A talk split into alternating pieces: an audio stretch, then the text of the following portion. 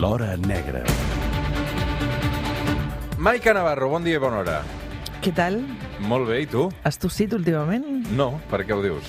Mm, No m'has donat la mà, no m'has fet un petó a l'entrar? Estic preocupada. No, perquè he vist que estaves molt pendent de l'Instagram, que veig que t'agrada enviar missatges privats. Ja, ara ja, ara ja t'entenc. Ara ja sé, ara sé de què vas. L- a Tu has, has, has, de- has, de, has de saber-ho tot, no? No, però... És a dir, No, no, vull dir, has, has, has, de saber-ho tot. les teves fonts hi parles per Instagram o és una Doncs bona? és una bona font, Ah, perquè sí? fins ara... Vaja, no vull donar idees. Diuen que Instagram és però- el nou Tinder. Uh, segurament, sí, sí, sí, sí, sí. Vaja, sí, no, no, no dic pas que no. El que em preguntaves amb el que refereix al tema de successos, perquè no penso parlar mai més en aquesta secció de la meva vida personal. Tu has tingut mai Tinder? sexual. Sí. Molt bé. Està molt bé. I tu? Jo sí, També. sí, sí, sí. Pues vale, pues ja està. Ala, Ja està. passa palabra, vinga, tira. Avui amb Maica Navarro recuperem un cas molt mediàtic. Són els pares de Marta del Castillo. Dos anys i mig després de la desaparició de la seva filla encara no saben on és el cos. A les portes de l'Audiència de Sevilla, una concentració de suport als familiars i un gran desplegament mediàtic que els esperava. La família vol justícia, però resignada diu que sobretot els cal poder girar full. Avui amb la Maica Navarro ens remuntem a un cas del 2019, és l'assassinat de la Marta del Castillo, un cas que no ha deixat d'ocupar titulars de la premsa des d'aleshores. N'hem parlat en alguna ocasió en aquesta hora negra, Maica, però sí. és que aquesta última setmana hem tingut novetats. Uh, fem una mica de balanç, mm -hmm. també de recordatori pel personal. Qui era Marta del Castillo? La Marta del Castillo era una noia de Sevilla, tenia dos germans i havia nascut el 19 de juliol del 1991 i va ser assassinada el dissabte 24 de gener del 2009. Tenia només 17 anys. I va desaparèixer uh, quan havia quedat amb uns amics, recordo. Sí, ella va marxar de casa dels pares dient que havia quedat a, amb uns amics. Eh, Concretament, va explicar als pares que havia quedat amb una persona que ells coneixien molt bé, que era el seu exnòvio. Un que es deia Miguel Carcaño, i a més a més amb el Miguel Carcaño se'n van anar, anava, i a més a més així ho va explicar als pares, al pis on vivia el Carcaño, que era un edifici que tothom ara mateix tindrà al cap, i ara quan et digui l'adreça els sonarà molt, que és la, el carrer León 13 de, de Sevilla.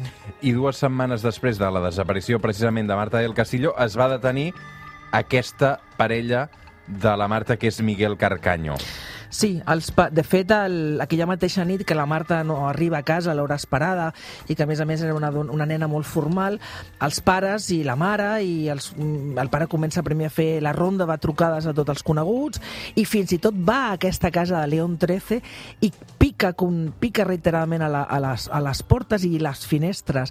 Per tant, ell, ell hi va. Hi ha una investigació, ells, evidentment, Miguel Carcaño havia estat l'última persona que havia vist eh, que havia quedat amb, amb, amb ella i aquesta era la referència. Ell va explicar en un primer moment que havia deixat a la Marta gairebé a la cantonada de casa i que no l'havia tornat a veure. I dos setmanes després, amb una, una primera investigació, el Cos Nacional de Policia es deté al Miguel Carcaño, això va ser el 13 de febrer del 2009, en aquell moment tenia 20 anys i ja sortia amb una altra noia, la Rocío, que també va agafar bastant protagonisme en aquest cas. És evident que aquest cas de Marta del Castillo ha donat moltes voltes perquè es van detenir fins a cinc persones diferents implicades en aquest cas de- d'assassinat. -huh. uh, hi han hagut versions molt diferents. Aquest Miguel Carcaño ha canviat moltes vegades la versió davant de la policia i han passat molts anys i no n'hem acabat de treure l'entrellat de tot plegat, no, Maica? No, de fet, eh, Miguel Carcaño mm, ha fet fins a set versions diferents. En aquell primer moment de la seva detenció no va ser, no va ser una detenció només en solitori, sinó que es van detenir a cinc persones, amb aquest Miguel Carcaño, després amb el Samuel Benítez, que era amic d'un altre, també un personatge d'aquesta trama, el Javier García, alias el Cuco, que en aquell moment era menor d'edat, i dos personatges claus que avui en, aquest, en el relat d'avui tenen protagonisme, que és Francisco Javier Delgado, que és el germanastre de Miguel Carcaño, i la que era parella d'aquest, que és la Maria García, que també era nòvia d'aquest germanastre.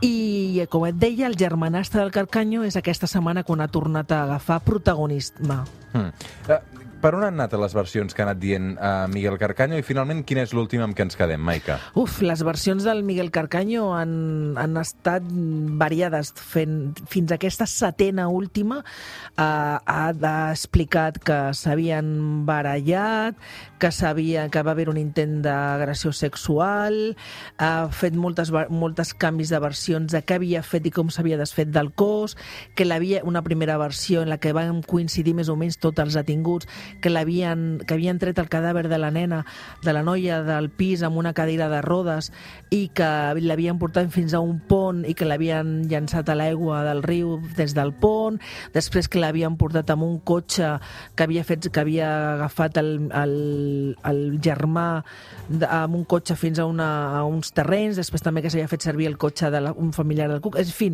infinitat de, infinitat de, de versions que totes arriben a un mateix punt en comú, que era el que va entendre en el seu moment els tribunals, i és que Miguel Carcaño era l'autor material de l'assassinat de la Marta del Castillo. Mai va quedar clar del tot quin havia estat el mòbil i estem a dia d'avui amb la voluntat inquebrantable dels familiars de la Marta de saber la veritat, perquè ells entenen que allò que es va jutjar i aquell relat de la condemna no és el que va passar realment en aquell pis, pis de León 13 dulce i el que volen i que asseguren que no desistiran mai és trobar el cos. Per no ells, ha sortit mai el cos, no? Per ells el trobar el cos de la Marta del Castillo és una, és una necessitat gairebé vital. De fet, han convertit part de la seva vida i la seva assistència en aquesta, en aquesta voluntat. L'avi de la Marta del Castillo, el pare, el pare, ara no, el pare, no sé si és, ara no recordo, el pare mater,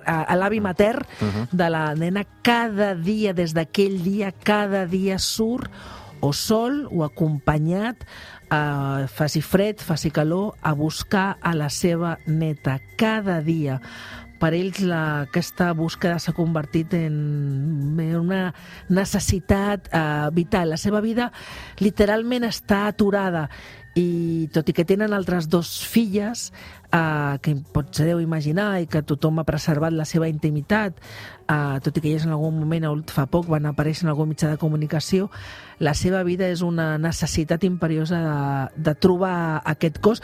Una, una recerca en la que l'Estat ha invertit milions d'euros de, de, sense cap resultat positiu. Hi ha una peça oberta en els jutjats que, que està oberta per la recerca d'aquest cos i que també ha provocat reaccions no molt airades però sí amb més amb veu baixa però d'altres familiars desapareguts que entenen que, bueno, que aquesta búsqueda és desigual amb l'ús de, de recursos. Avui amb la Maica Navarro les novetats del cas de Marta del Castillo i precisament per posar encara una mica més de llum a totes les eh, notícies que s'han publicat aquestes setmanes i també aquestes novetats, podem saludar a aquesta hora el Jorge Muñoz, que és periodista del diari de Sevilla. Jorge, què tal? Buenos días. Hola, ¿qué tal? Buenos días. Jorge, estábamos poniendo un poco de contexto con Maika. ¿Qué ha pasado estos últimos días para que la familia de Marta del Castillo se crea la versión de Miguel Carcaño y ahora el juez acabe reabriendo el caso?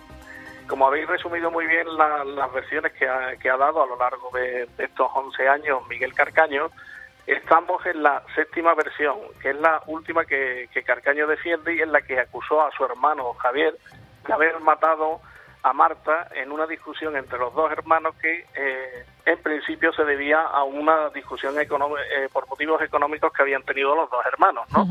¿Qué ocurre? Esa investigación se archivó en el año 2013. Exacto. Pero como eh, en 2013 se archivó, pero en el año 2017, si recordáis, en febrero, el padre de Marta estuvo en la prisión de Herrera de la Mancha visitando a Miguel Carcaño. ¿no? Efectivamente. Pues, eh, ahí Miguel Carcaño le confirmó que la versión que mantiene es esta última, es decir, que él no es el autor material del crimen, sino que el autor es su hermano, su hermano Francisco Javier. Bien. ¿Qué, ¿Qué, nos quedamos con esa reunión del padre? Pues que un detalle, un detalle que Miguel le dice al padre que esté pendiente de la hipoteca, de la hipoteca del piso de León 13, ¿vale? El piso donde piso de León de León 13 que era el donde vivía Miguel y donde se cometió el crimen, ¿no? Pues a raíz de esa, esa hipoteca, de esa investigación, pues se han descubierto todo un entramado de una se falsificaron las, eh, las nóminas de Carcaño para conseguir dicho préstamo. Claro, eso es una investigación para que nuestros oyentes se ubiquen.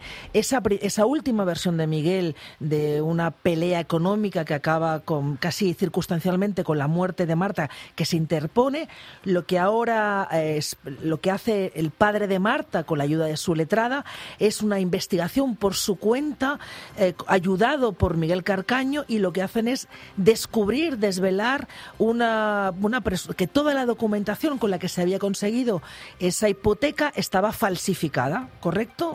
Efectivamente, eso es así.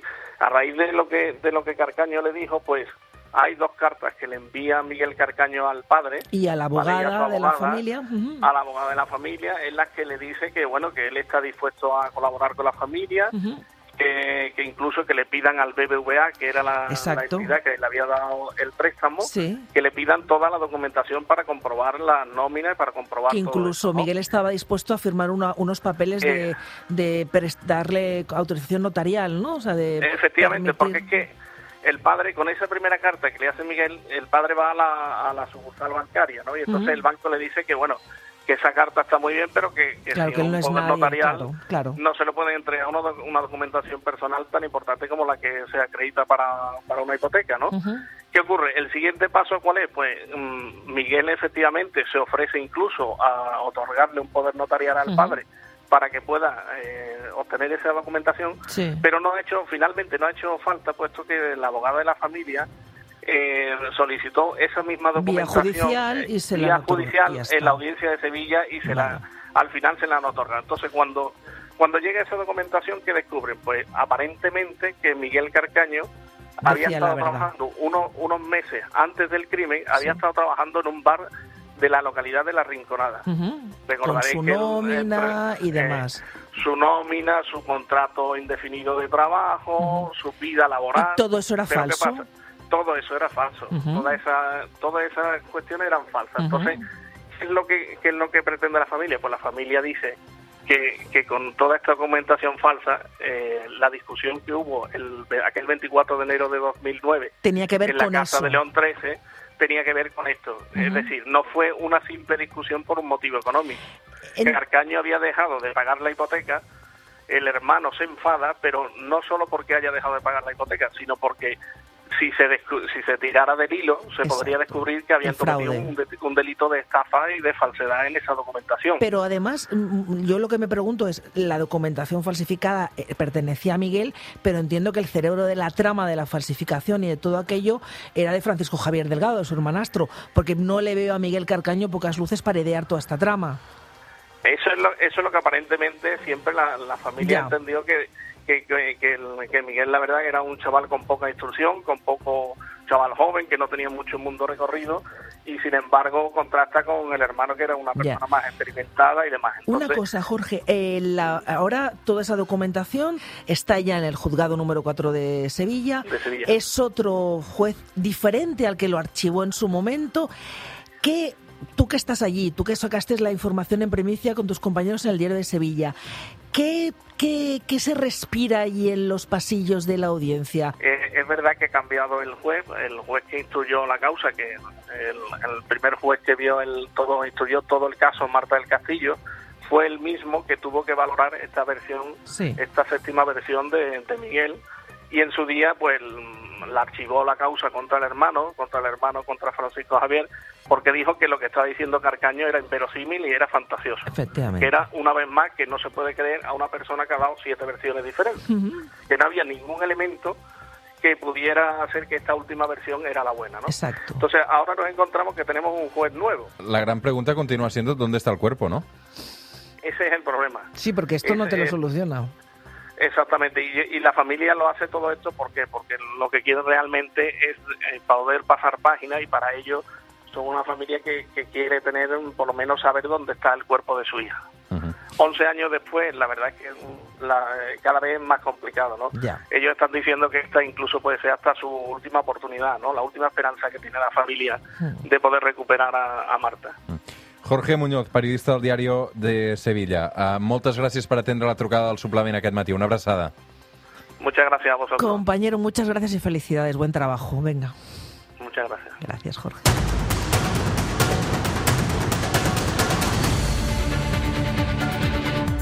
Uh, Maica Navarro, ho hem de deixar aquí. Mm. -hmm. Deixa'm preguntar-te com està la cosa a l'audiència de Madrid i Sí. pendents de, del judici Trapero. Fins quan s'allargarà això, no? Bueno, encara aquesta setmana ha estat dura, ha estat dura l'últim... Dura per el sentit que hi ha hagut un testimoni del comissari de que en aquell moment era la brigada provincial de la Policia Nacional que ha fet un relat a, a preguntes de la Fiscalia. Bueno, més que preguntes, ell l'anava parlant sense, sense preguntes, perquè era més o menys un, un relat continu en el qual ha, insistit en la connivència de, de, de Mossos amb el govern i sobretot ha sigut ha sorprès, el dilluns és el torn de l'Olga Tobó per preguntar-li, ha sorprès deia perquè ha basat part del seu relat en els informes de les caixes incautades per la Policia Nacional a les portes de la incineradora de Sant Adrià, una investigació que en el seu moment ja va arxivar el jutjat número 22 de Barcelona i ha anat cas, o sigui, cas, car, cas pel cas, en fi, eh, i després una altra versió, és veritat, un altre uh -huh. testimoni d'un tinent de la Guàrdia Civil que anava a parlar dels escorcolls a Vigues i Riells i les seves les preguntes van ser bàsicament sobre comunicacions de l'1 d'octubre e e-mails que no estaven a la causa del major Trapero i això va provocar que la letrada del major, Olga Tubau, denunciés indefensió eh, de la defensa perquè entenia que s'estava parlant d'uns documents que no estaven a la causa i que, a més a més, el més greu, que el major que ja havia declarat no tenia dret ni a defensar-se ni a contextualitzar-los, ja veurem. Maica, moltes gràcies. Ens veiem a Tinder, no? O què? O tu ja no, no estàs? no, no, jo no hi Ai, soc. i això? Fa anys que no hi soc. No, no, ja es va acabar la cosa. Ja, Sí, sí, ja. ja Tens està. una altra vida més, Més, més eh, serena. sí, més centrada. Més centrada, Fem una pausa i al suplement, atenció, Què? Maria del Mar Bonet. Entrevista a Maria del Mar Bonet. Fem una pausa i tornem. Bona nit. El suplement amb Roger Escapa.